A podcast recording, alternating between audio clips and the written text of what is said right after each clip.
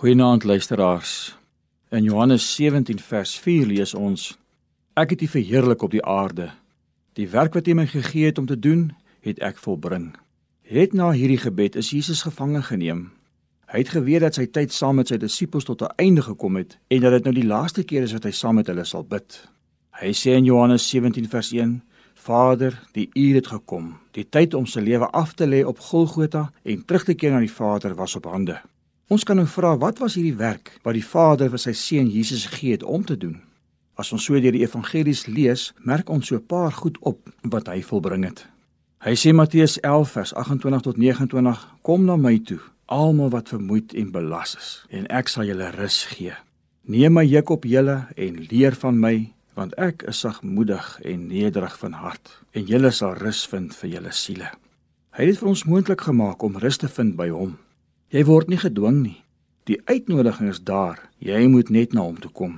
Hierdie is ook 'n belofte met 'n voorwaarde. Hy sal die rus gee, maar ons moet na hom toe kom. Jy moet kom net soos jy is.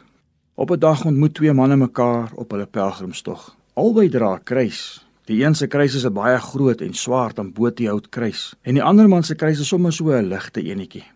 Die man met die swaar kruis was nie gelukkig nie en het gevoel dit is nie regverdig dat hy so 'n swaar kruis moes dra en hy nie ook so 'n ligte kruis kan hê soos die ander man nie.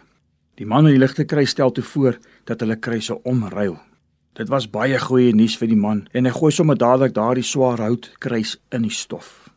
So neem hy die man se ligte kruis op wat hy van sy skouer afgehaal het en sit op die man se skouer en skielik gil hy verskrik en hy gryp na sy skouer en hy gooi daai ligte kruis van sy skouer af. Geskok kyk hy na sy hand en hy sien net die bloed en hy kyk na die ligte kruis en hy sien daar in die stof lê hierdie kruis met 'n 6 dim spyker en hy het nie besef wat daarin gebeur was nie. Alhoewel 'n ander se kruis vir ons ligter lyk as ons eie, weet ons nie van die spykers in hulle lewe wat seermaak nie. Die man met die ligte kruis het geweet om sy rus by die Here Jesus te kry en dit was vir hom genoeg.